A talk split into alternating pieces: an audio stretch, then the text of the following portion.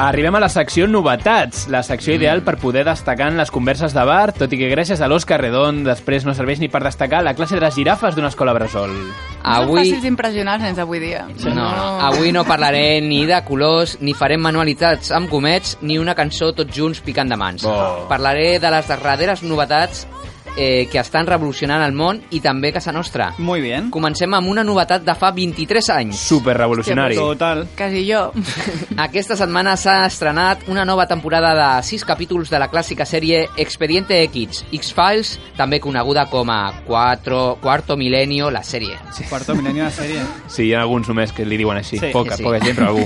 Expe Expediente X ha tornat 14 anys després del seu darrer episodi amb els mateixos protagonistes, pels que també han passat 14 anys. Clar, sí. Així que és possible que en els casos paranormals d'aquesta nova temporada Mulder investigui una estranya construcció que vegi en una obra o Scully trobi un missatge ocult en una manta feta de patchwork. pues podria ser perfectament.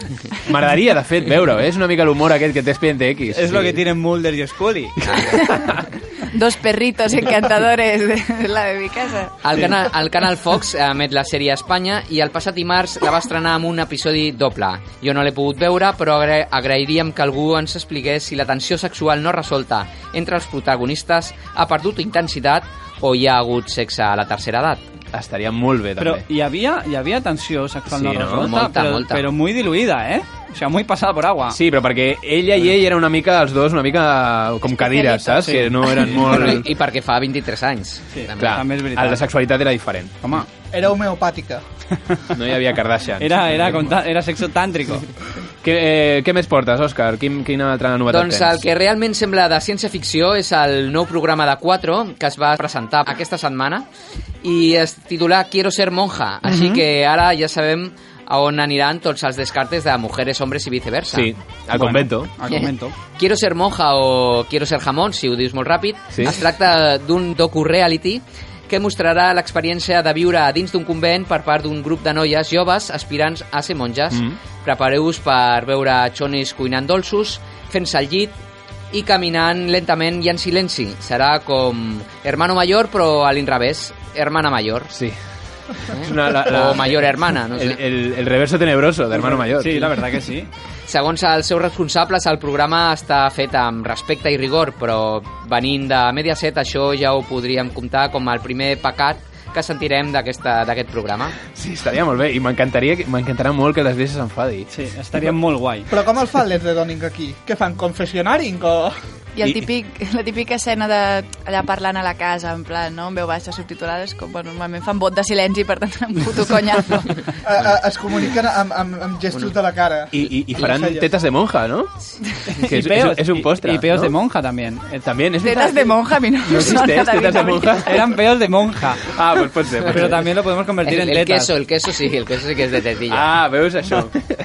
I, i eh, què, què més? Alguna altra novetat tecnològica? Algú més tecnològic? sí, mira, sí, sí, sí. Eh, Spotify ha anunciat que aviat introduirà contingut en vídeo a la seva plataforma. Toma ya. Spotify vol entrar així a un sector que combina música i vídeos i que encara està poc poblat, només hi ha una empresa, no sé si us sona, es diu YouTube.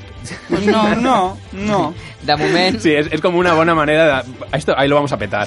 Spotify, eh, aquí lo petamos. Aquí lo petamos. de moment es llançarà a Estats Units, Regne Unit, Alemanya i Suècia, amb continguts de la BBC, Comedy Central i ESPN, entre d'altres. Mm. Han comentat que serà un servei per a tots els usuaris, siguin premium o no, i que no hi haurà publicitat. Tot i que... Bueno, no sé. Això és la novetat. Bueno. Eso es mentira. I això no, tampoc m'ho acabo de creure, eh, però segur que al final amb els vídeos ens col·loquen spots i per fi el nom de la plataforma tindrà sentit. Sí. Spotify. Perfecte, Òscar, molt bé. Ens falta la review. De, de què la faràs avui? Avui la cosa va de gastronomia. Toma Té ja. tema poc habitual en aquesta secció, però que aquest cop faré una excepció, perquè McDonald's ha tret un nou producte i he decidit analitzar-lo amb detall amb la meva review. Endavant amb l'Oscar McChoco Potato Review. Oscar's Macho Potato Review. Oscar's Mac Choco Potato Review. Digueu-me raro, però sóc fan de les patates fregides i la xocolata, mm -hmm. per separat. Però ha estat McDonald's, l'empresa que ja va unir coses impossibles com una hamburguesa amb pepinillo, la que s'ha atrevit a combinar patates fregides i xocolata, concretament patates fregides amb sirope de xocolata blanca i xocolata amb llet. D'entrada, malament, no?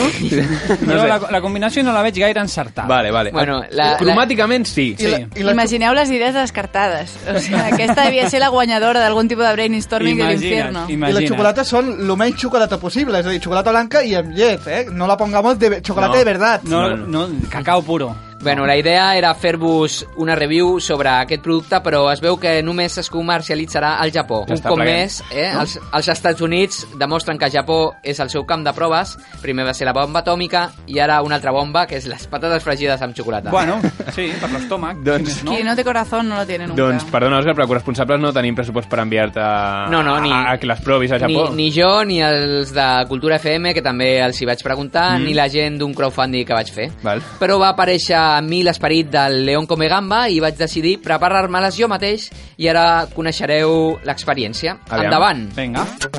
Preparación. Per preparar unes patates fregides amb xocolata necessitem un, un parell de patates mitjanes, oli d'oliva, sirope de xocolata amb llet i sirope de xocolata blanca. Val. Els ingredients que podeu tro trobar-los perfectament a un badulaque. Sí, Sí. estan tots allà, al costat dels mojitos. Sí. Eh, tallem les patates a tires i les posem a fregir amb una paella o fregidora amb oli calent. Sí. Sembla fàcil, però té el seu, el seu intríngulis. Sí. Les meves patates, més que a tires, semblaven a bunyigues i se'n van cremar a la, a la paella per un descuit. Mm. Així Ah. que recomano que aneu al McDonald's i us compreu unes patates i una Coca-Cola gran. I la Coca-Cola... Res, era l'oferta combo de dos articles per 2,90. Val. Eh? Un... Després, ja un cop a casa, vaig afegir-li els siropes pel damunt i ja estaven llestes. Perfecte. Vale. Uah. Sabor. El sabor d'una patata fregida amb sirope de xocolata amb llet i xocolata blanca és difícil de catalogar. Sí. Eh, perquè us feu una idea, seria com un xurro de xocolata però més refinat, més treballat i elegant.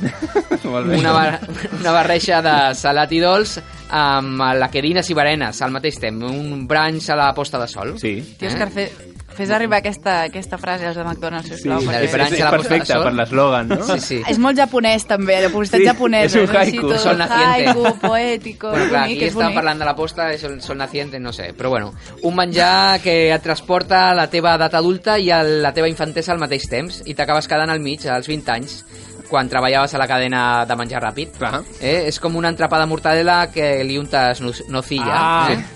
Maco. Ah, esos. Ah. Si per xocolates valor la xocolata és el placer adultos, aquestes patates serien el placer viejo joven. Bueno, y hay que tener valor también, ¿eh? Sí, sí. Efectos secundarios.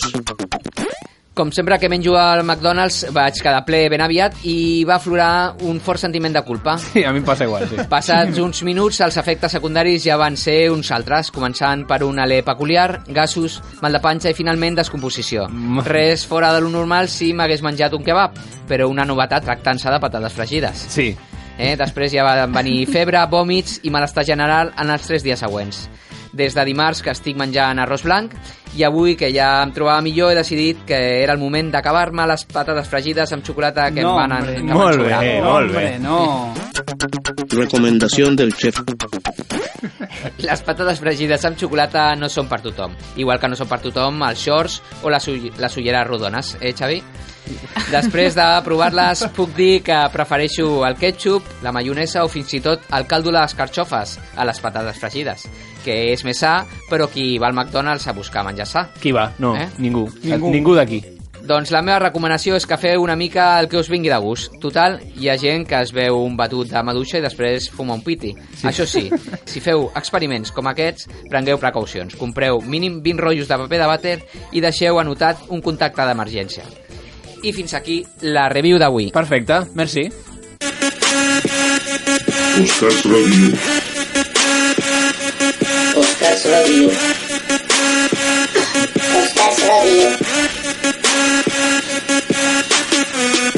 Corresponsables.